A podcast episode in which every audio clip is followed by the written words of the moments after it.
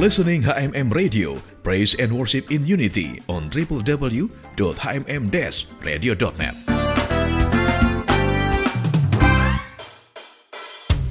Sobat HMM, maraknya penyalahgunaan narkoba terutama oleh generasi muda saat ini sangat membahayakan keberlangsungan hidup bangsa ini di kemudian hari.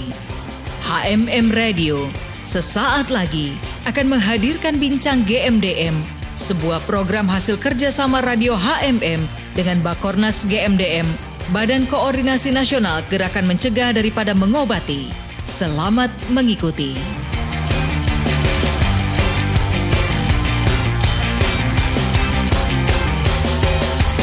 Dari kawasan Sentul Bogor, Indonesia, HMM Radio, Praise and Worship in Unity Voice from Home. Shalom Sobat HMM di mana pun Anda berada. Senang sekali Obed boleh hadir untuk temani Anda dalam talk show dengan GMDM, Garda Mencegah dan Mengobati. Nah, topik hari ini membahas tentang merdeka dan berprestasi. Pemenang adalah juara, orang yang sudah berhasil mengalahkan orang lain dalam suatu pertandingan. Menurut saya, pemenang adalah seseorang yang berhasil mencapai suatu tujuan ataupun berhasil menaklukkan sesuatu. Arti pemenang menurut saya, jika kita menyerahkan diri kepada Allah, maka kita akan kuat sehingga kita dapat melawan iblis dan dia akan lari dari hadapan kita. Shalom, arti dari pemenang adalah menurut saya bahwa orang yang dapat melalui setiap rintangan atau tantangan yang ada di depannya sehingga dia mencapai satu tujuan yaitu finish strong.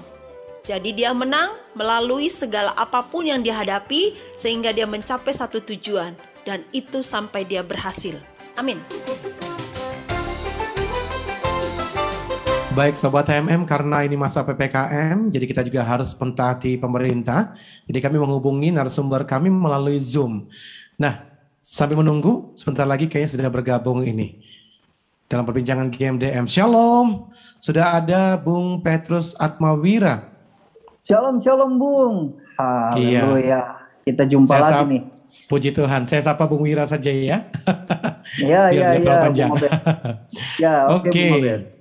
Terima kasih sekali lagi Bung Wira buat waktunya dalam kesibukannya. Ya, siap, siap. Kemudian juga ada Bung Aang Setiadi. Shalom Bung Aang. Shalom Bung Obed. Iya, puji Tuhan. Terima kasih Bung Aang sudah mau bergabung dengan talkshow kita hari ini. Sama-sama. Puji Tuhan. Iya, Bung Aang kan baru pertama kali nih join di talkshow kita GMDM. Bisa perkenalkan nih eh, mengenai tugas Iya, Bung baik. sendiri di GMDM. Silakan Bung. Ya. Baik Bung Obed, terima kasih untuk waktunya. Nama saya Aang Setiadi. Saya sebagai guru di sini mengajar di salah satu SMK negeri yang ada di Jakarta Timur sebagai guru pendidikan agama Kristen dan budi pekerti. Untuk kegiatan sehari-hari itu Bung Obed lebih banyak di situ dan saya sudah berkeluarga, anak satu, istri satu. Tidak boleh tambah ya, istrinya kalau anak boleh. Oh, oke. Ya. Iya. Iya. Bung Aang bisa ngelucu juga nih rupanya ya. Oke, Bung Aang terima kasih buat perkenalannya. Em, untuk di game-game sendiri bagaimana nih Bung Aang? Sudah lamakah bergabung?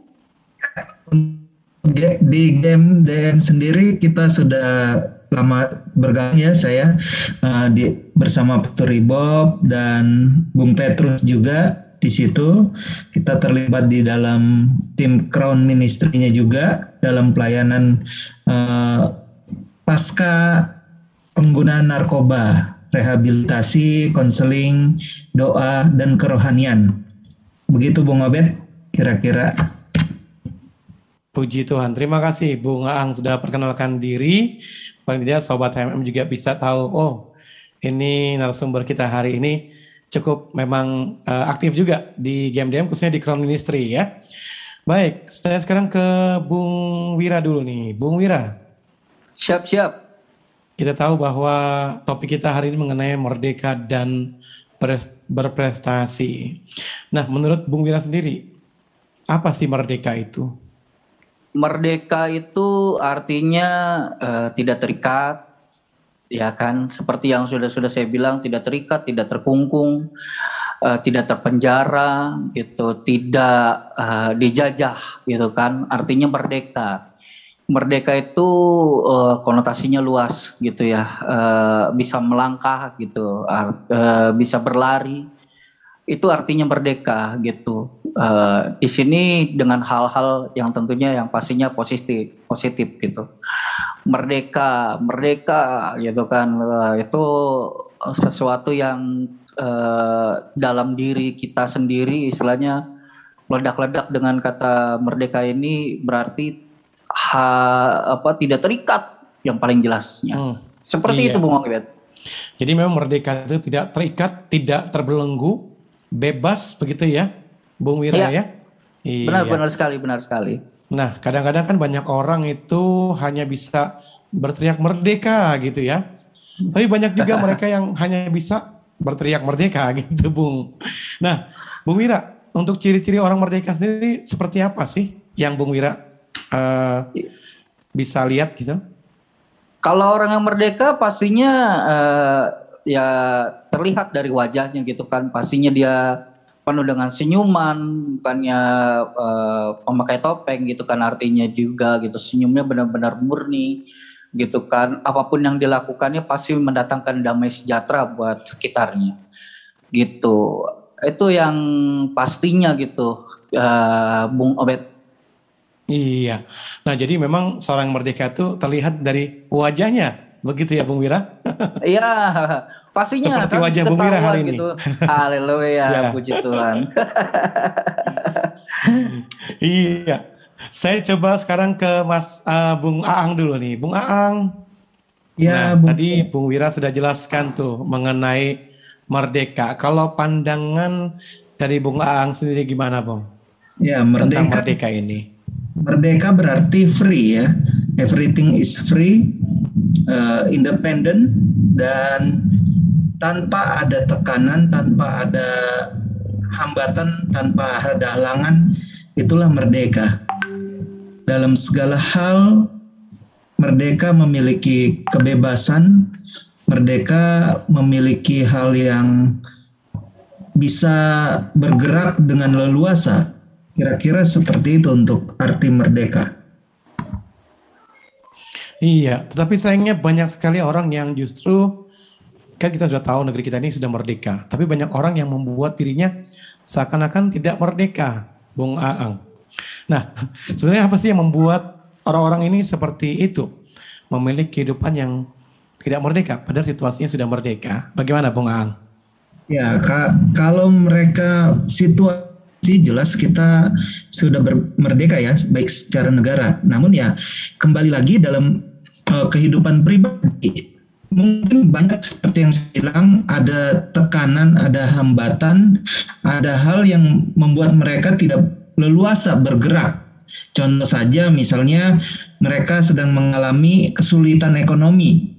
Tentu dalam hal ekonomi mereka belum merdeka karena untuk bergerak atau memilih satu menu makanan dia harus melihat yang paling kanan untuk harganya gitu. Padahal di hatinya kepengennya yang enak, hmm. tapi karena dia belum merdeka yeah. secara ekonomi, dia akan memilih uh, bagian yang bisa dijangkau dan itu tidak memberi kepuasan untuk dirinya sendiri. Apalagi dalam kesehatan juga seperti itu. Ya, jadi ada beberapa hal ya seperti itu, Bung Obet yang saya bisa sampaikan iya. karena keterbatasan iya. mereka. Iya betul. Jadi uh, seperti yang Bung Aang tadi sampaikan mungkin karena keterbatasan ekonomi jadi membuat seseorang juga seakan-akan tidak merasa merdeka begitu ya. Karena ingin memilih yang ini tapi karena keterbatasannya dia tidak bisa memiliki yang dia mau seperti itu. Nah, saya coba sekarang ke Bung Wira nih. Bung Wira, apakah untuk berprestasi, ini sesuai tema kita ya, merdeka dan berprestasi. Apakah untuk berprestasi, seseorang harus merdeka dulu? Bagaimana tuh Bung Wira? Iya, itu udah pasti gitu kan. Seseorang yang terbelenggu atau terikat eh, atau terpenjara gitu kan ya, nggak mungkin dia bisa melakukan sesuatu eh, untuk berprestasi.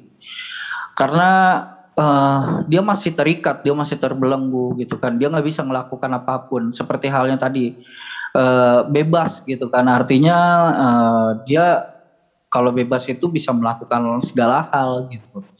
Jadi kalau kita mau berprestasi ya harus uh, benar-benar bebas dari segalanya gitu kan. Bahkan uh, saya bilang dengan adanya kebebasan gitu, dia dapat berpikir dengan jernih, dia uh, mempunyai ide-ide gitu kan jadinya. Kalau orang terbelenggu pasti lingkupnya pasti dengan permasalahan-permasalahan yang ada. Tidak mungkin orang-orang seperti itu bisa uh, berprestasi. Gitu, Bung Obed.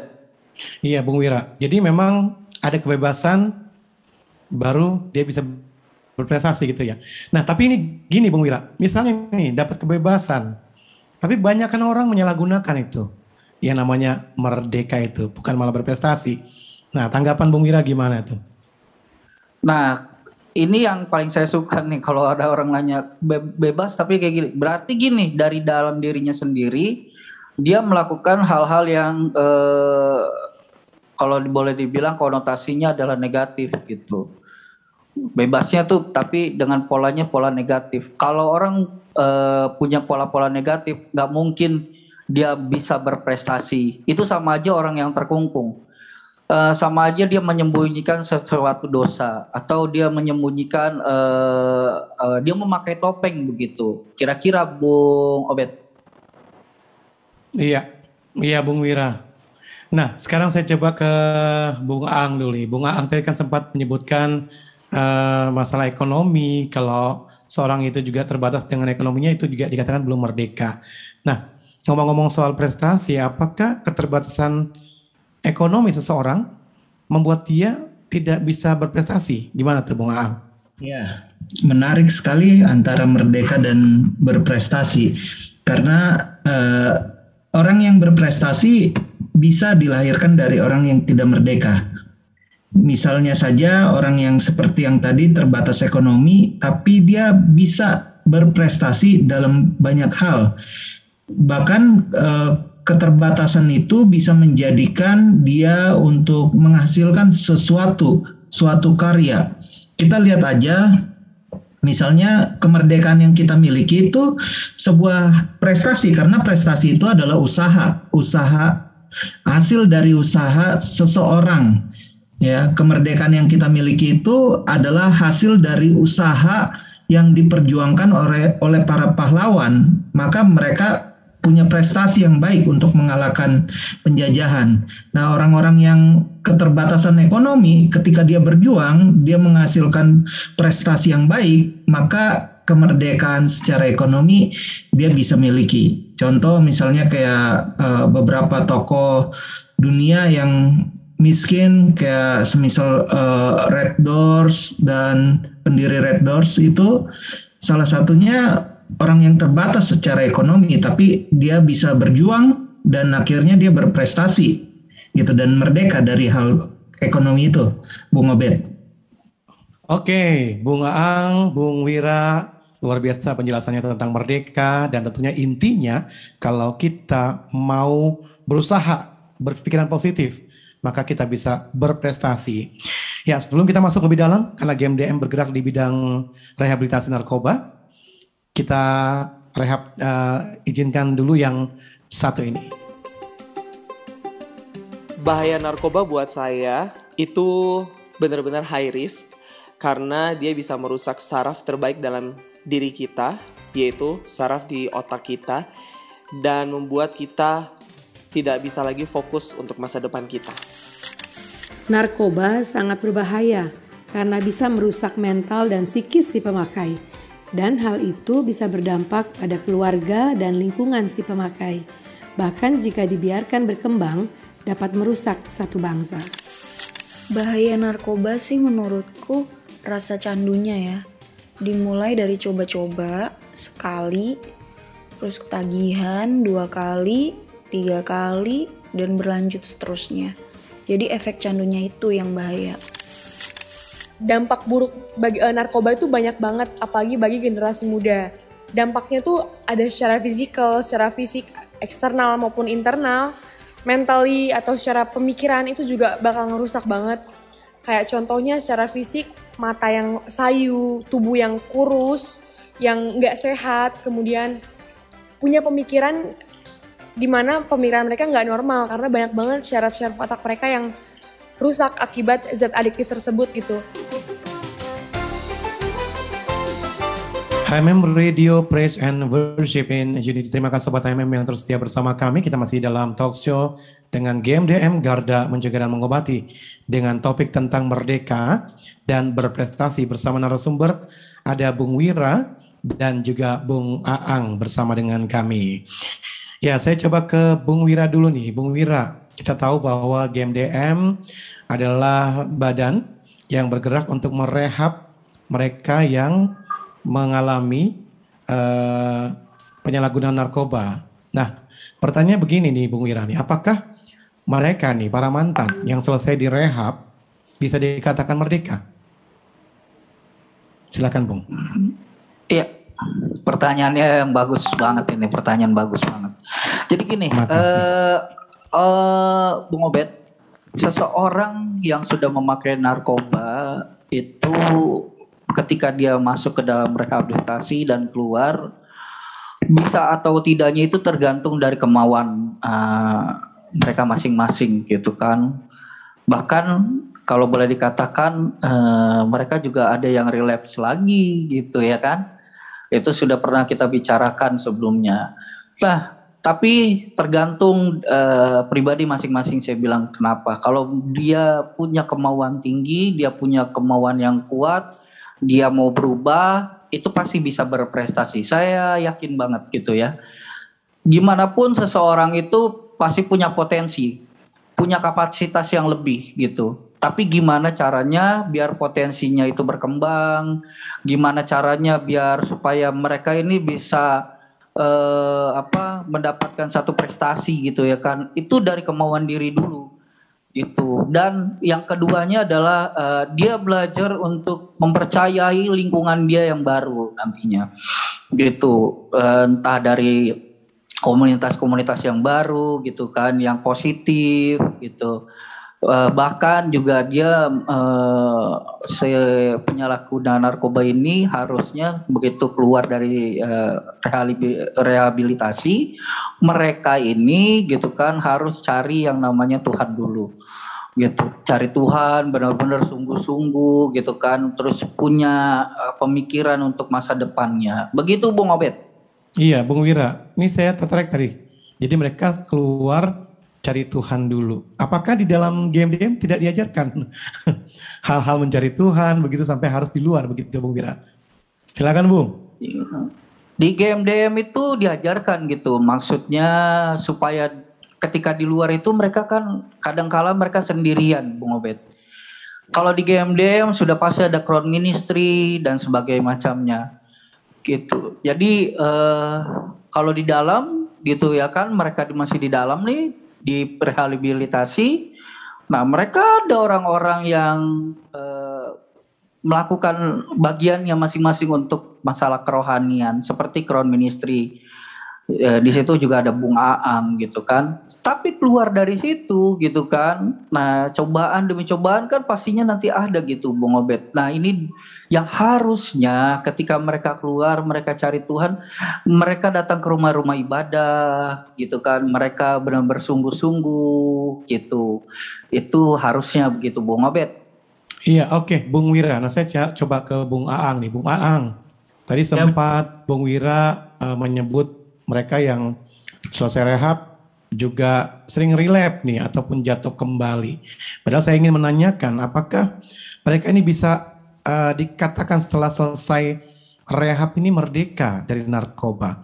Nah, apakah Bung Ang sendiri sependapat dengan apa yang disampaikan Bung Wira. Silakan Bung. Jadi setelah rehab, apakah mereka dikatakan merdeka? Tentu kita harus punya indikator ya untuk mengatakan seseorang itu merdeka atau tidak setelah rehabilitasi. Tentu ada beberapa hal yang perlu kita jadikan uh, indikator untuk mereka dikatakan merdeka. Yang pertama ya jelas tidak relap ya, tidak jatuh lagi ke dalam obat-obatan tersebut. Itu yang pertama. Yang kedua, tentu dia punya gaya hidup yang sehat. Dia dikatakan merdeka, dia bisa punya gaya hidup yang sehat. Ketika mereka udah pulih nih, harusnya tetap menjaga, justru memulihkan. Karena dari obat-obatan tersebut itu udah merusak organ mereka, tubuh mereka, sel-sel mereka. Nah, mereka harus memulihkan itu. Nah, yang ketiga, tentu kaitannya orang yang merdeka itu bisa menghasilkan suatu karya. Entah itu dia menjadi inspirator untuk teman-temannya yang belum merdeka yang masih terjerat dalam narkoba maupun bagi uh, masyarakat sekitar untuk menjadi penyuluh dalam mengantisipasi bahaya narkoba. Sebagai uh, pengajar supaya uh, masyarakat itu punya tindakan preventif terlebih dahulu gitu dan tentunya dari kesadaran itu itu penting sekali ketika mereka keluar dari rehab. Nah, indikator-indikator ini saya rasa kalau mereka mencapai hal tersebut barulah bisa dikatakan merdeka. Kira-kira begitu Bung Mabel. Oh.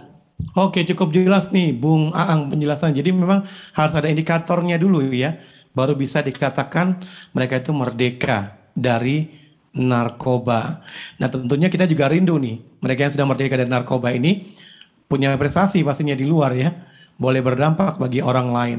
Nah saya coba ke Bung Wira nih, Bung, bagaimana nih membangun para mantan ini agar mereka itu di luar ya bisa berprestasi. Dan tadi kata Bung Aang tadi bisa menginspirasi lah, ya silakan Bung Wira. Iya, di dalam GMDM sendiri itu ada uh, satu pembelajaran gitu ya Bung Obet ya. Jadi di situ uh, bukan hanya sekedar mereka masuk di rehabilitasi untuk obat-obatannya saja gitu, tapi mereka semuanya uh, diberikan ilmu pengetahuan gitu. Ini loh uh, seperti ini loh, begini loh. Nah, jadi nantinya itu mereka uh, uh, ketika mereka keluar gitu kan, mereka dapat ilmu uh, dari GMDM gitu loh. Nah, seperti halnya uh, ya seperti tadi mereka bisa membagikan ilmu mereka gitu. Apa yang mereka dapat gitu kan bahaya penggunaan narkoba seperti ini. Contohnya siapa? Contohnya misalkan gitu kan e, mereka bisa nyebut diri mereka sendiri gitu kan. Nah itu dia. Jadi di game DM itu luas gitu loh. Bentuknya tuh luas. Jadi bukan hanya sekedar mereka masuk ke istilahnya uh, biar supaya mereka terbebas dari narkoba. Bukan hanya seperti itu, tapi spiritual mereka dibangun, jiwa mereka dibangun, mindset mereka pun dibangun kembali di game Begitu, Bung Obet. Iya, jadi memang salah satunya dibangun gitu ya, baik secara fisik, mental mereka, rohani mereka juga. Nah, karena Bung Aang kan di Crown Ministry ya, Bung ya. Ya, Bung. Crown Ministry sendiri kan juga menciptakan generasi untuk penerima mahkota gitu ya. Mereka yang yeah. rusak dibenahi. Nah, kalau Crown Ministry apa aja sih uh, yang dilakukan langkah-langkahnya nih? Pastinya untuk membentuk para mantan ini pada saat di luar mereka bisa berprestasi.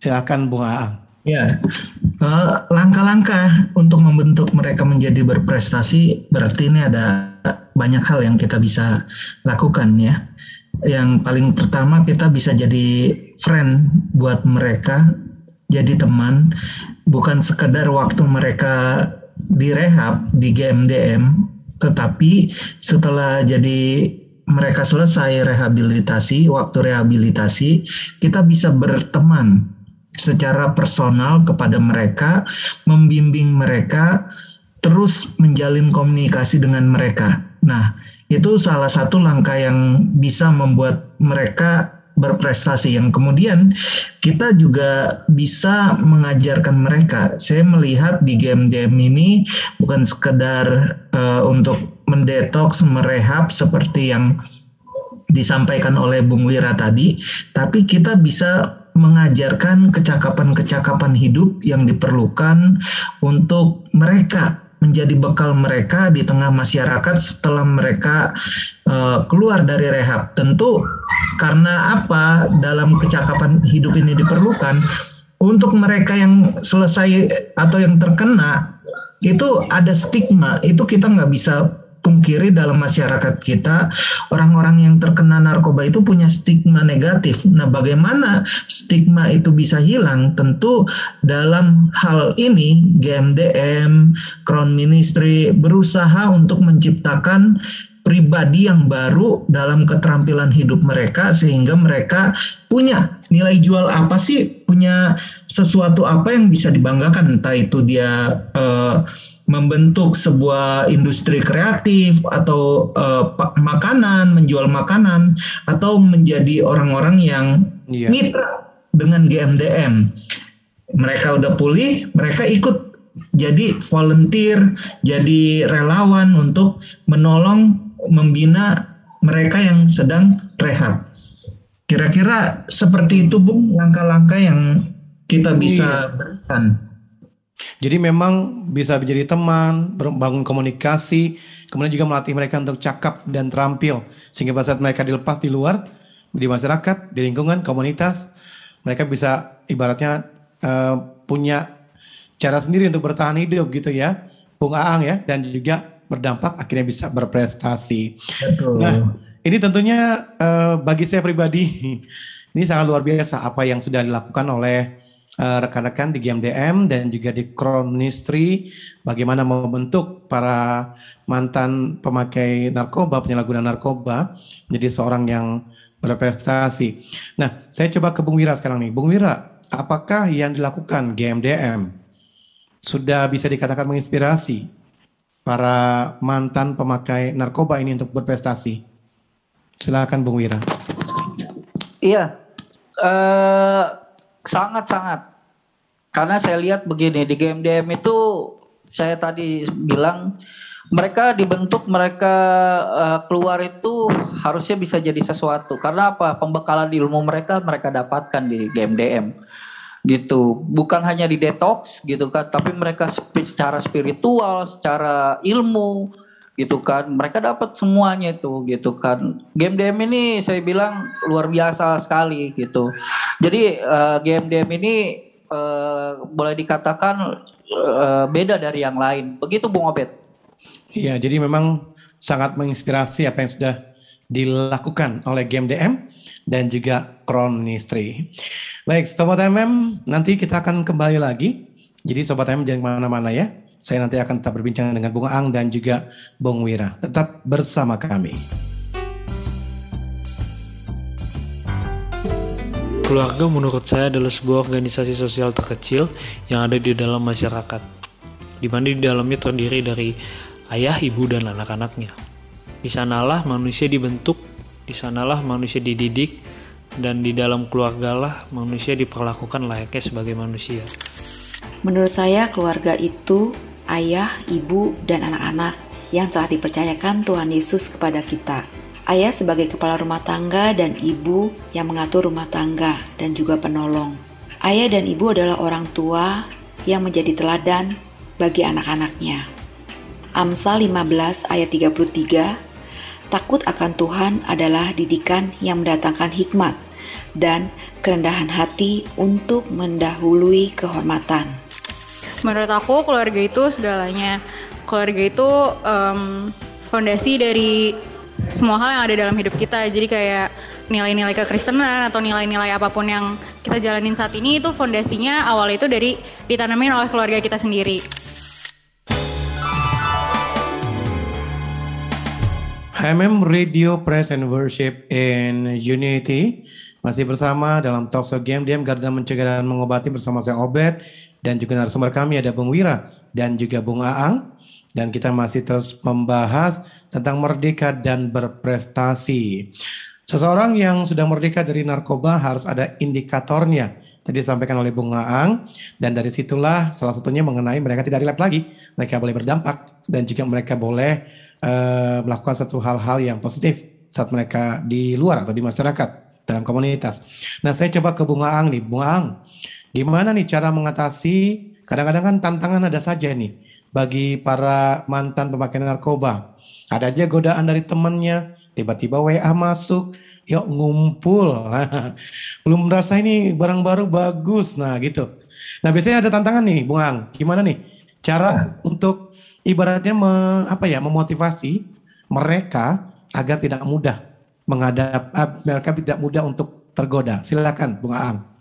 Ya, untuk tidak mudah tergoda dalam relap lagi atau balik lagi ke narkoba kepada barang haram ini, tentu kita harus benar-benar sadar ya, harus benar-benar sadar karena tantangannya itu memang berat.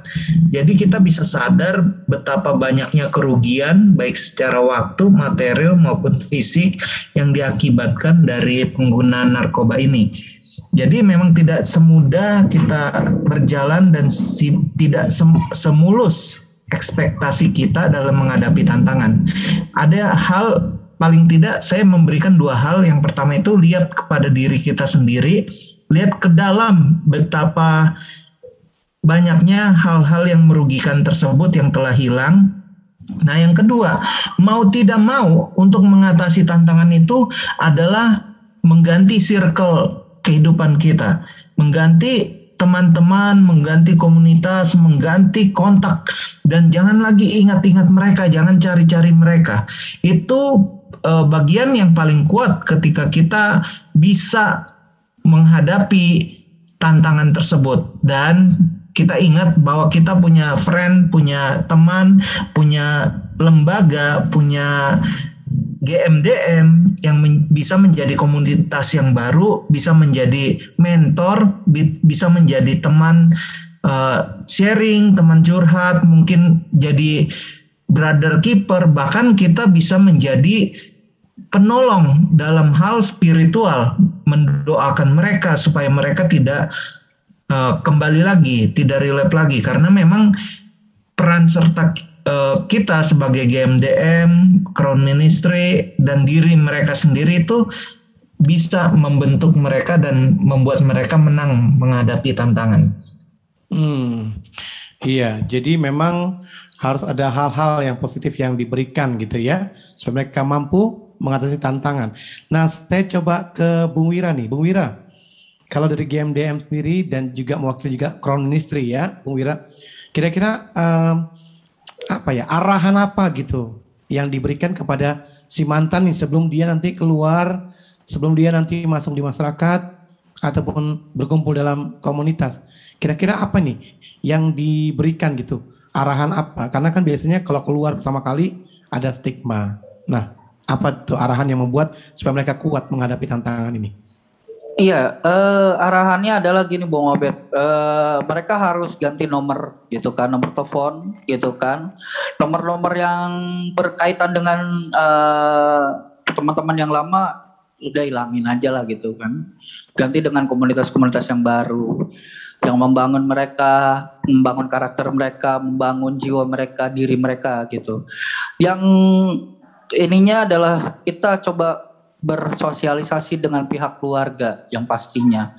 Karena pihak keluarga pasti uh, akan menjaga mereka. Itu uh, kita coba untuk menghubungi pihak keluarga mereka gitu kan supaya ini loh mereka terjaga dengan baik gitu kan mereka diterima dengan pihak keluarga gitu pihak keluarga tidak melalaikan mereka tidak uh, istilahnya uh, udahlah mereka udah hancur sekali hancur udah hancur dalam keluarga jangan jadi stigma dalam keluarga juga harus ikut dibangun gitu kan bahwa mereka ini adalah orang-orang gitu yang mempunyai masa depan yang sangat bagus, yang sangat indah gitu. Jadi itulah harus dibangun stigma uh, di dalam lingkungan keluarga. Yang selanjutnya adalah jangan lupa di GMDM juga ada wajib lapornya. Ketika mereka keluar, mereka terus uh, dipantau dan ada wajib lapornya gitu. Misalkan seminggu sekali, seminggu dua kali atau dua minggu sekali, dua minggu dua kali gitu. Ini yang harus di ini nih di tetap terjaga gitu supaya mereka dapat terpantau dengan baik. Begitu Bung Obed. Iya, jadi memang ada hal-hal yang dilakukan oleh GMDM dan juga crowd ministry supaya mereka yang sudah selesai direhab pada saat mereka keluar ke masyarakat di komunitas mereka tidak jatuh pada hal yang sama kan tadi ada wajib lapor juga ya dan Iya, juga ada komunikasi. lapor. Iya. Iya. Bahkan ground Jadi ministry sendiri gini, Hmm. Bung Obed. Ini ini satu hal. Ground ministry itu bahkan menyamperi ke rumah mereka. Mereka disamperin ke rumah Hmm. mereka gitu kan. Eh, bahkan didoakan di rumah. Begitu. Eh, jadi ada Iya. ada berkesinambungan gitu kan terus continue gitu artinya mereka tidak dilepas begitu aja tapi ya itu dia tadi ada ada eh, kegiatan-kegiatan yang mereka lakukan contohnya ya harus gitu kan wajib lapor itu udah pasti gitu wajib lapor itu udah eh, diinin dari GMDM gitu kegiatannya itu yang pasti yang pertama yang keduanya itu tadi dari crowd ministry mereka disambangi ke rumahnya gitu dilihat lingkungan keluarga mereka seperti apa posisinya gimana gitu kan bahkan ketika pulang didoakan begitu Bung Obed Iya, Bung Wira. Nah, saya coba ke Bung Ang nih, sedikit aja nih Bung Ang. Nah, tadi Bung Wira sempat sebut eh, kalau Crown Ministry biasanya menyambangi, mengunjungi rumah mereka. Nah, ini situasi lagi pandemi nih Bung Ang. Apa yang dilakukan nih untuk bisa tetap monitor mereka nih yang sudah keluar dari rehabilitasi? Silakan Bung. Saya rasa pandemi ini memang membuat kita menjadi menjaga jarak ya. Tapi saya lihat ada banyak metode, ada banyak cara. Salah satunya seperti Zoom meeting atau telepon atau kita bisa berkomunikasi dengan cara yang lain ya melalui Telegram dan sebagainya itu saya rasa kita bisa menjalin dan memonitor mereka untuk tetap ada di dalam tracknya supaya mereka bisa tetap menang dan berprestasi dari kehidupan mereka yang lama. Kira-kira seperti itu Bung Obed. Iya, Bung Ang. Jadi tetap komunikasi ada walaupun pandemi, jaga jarak, ada teknologi canggih, kita bisa melakukan komunikasi dengan menggunakan teknologi. Ya, Bung Aang dan juga Bung Wira, ini kita sudah di penghujung talkshow kita hari ini. Saya coba ke Bung Wira, ada statementnya Bung, silahkan. Iya. Eh, yang pasti bebas dari narkoba itu adalah yang paling utama. Kalau saya bilang untuk masa depan yang cerah, jauhi narkoba, jauhi teman-teman yang tidak berguna, artinya teman-teman yang membawa hal negatif, tetapi bertemanlah dengan orang-orang yang positif. Seperti itu Bung Obed. Iya, lembut, pelan, tapi agak sedikit nyelekit itu teman-teman yang tak berguna. ya maksudnya yang mungkin menyalahgunakan narkoba ya Bung Wiraya. Baik, terima kasih. Paling tidak itu menguatkan statementnya untuk setiap pendengar yang saat ini mendengarkan supaya sama-sama menjauhi dan memerangi yang namanya narkoba. Nah sekarang kita akan tutup Bung Aang bisa tutup talkshow kita dengan doa. Boleh doakan pendengar kita, juga doakan GMDM dan juga HMM Radio. Silakan Bung Aang. Kami bersyukur Tuhan buat waktu yang baik yang Tuhan berikan kepada kami, di mana kami boleh menjadi saluran berkat untuk setiap mereka yang mendengar. Biarlah HMM Radio ini boleh menjadi alat Tuhan untuk menjangkau setiap mereka yang terhilang, setiap mereka yang membutuhkan pertolongan. Biar siaran ini boleh menjadi berkat ya Bapak.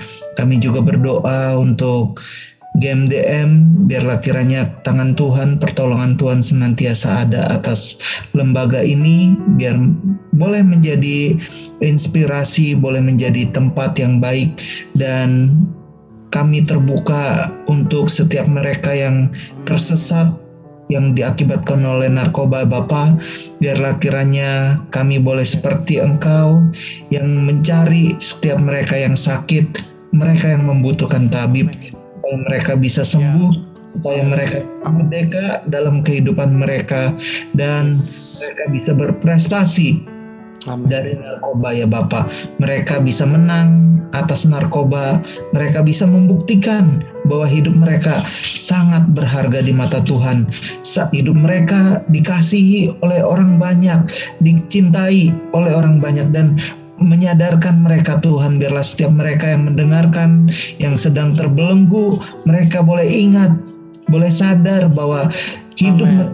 dicintai oleh keluarga mereka oleh orang-orang yes. di sekitar mereka Amen. dan mereka punya potensi yang besar dalam hidup mereka ya biarlah yes. kiranya si Tuhan kuasa Tuhan memulihkan setiap mereka yang sedang dalam keterikatan maupun sedang berjuang dari pemulihan pasca rehab Tuhan biar mereka tidak jatuh lagi ke dalam narkoba. Dalam Tuhan Yesus kami berdoa. Amin. Amin. Terima kasih Bung Wira. Amin, amin. Yes. Terima kasih Bung Aang buat waktu dan kesempatannya terus berdampak di game DM dan juga bagi banyak orang dan Tuhan berkati senantiasa. Ya, Anda telah mengikuti perbincangan dengan GMDM Garda mencegah dan mengobati dengan topik merdeka dan berprestasi. Informasi tentang GMDM dapat menghubungi di 021 866 15552. Sekali lagi 021 866 15552. Nantikan perbincangan kami selanjutnya bersama GMDM dengan topik menarik seputar penyalahgunaan dan pemberantasan narkoba untuk menciptakan Indonesia bersinar bersih dari narkoba. Sampai jumpa. Sobat HMM, Anda baru saja mengikuti Bincang GMDM, sebuah program hasil kerjasama Radio HMM dengan Bakornas GMDM, Badan Koordinasi Nasional Gerakan Mencegah Daripada Mengobati. Terima kasih atas kebersamaan Anda. Sampai jumpa.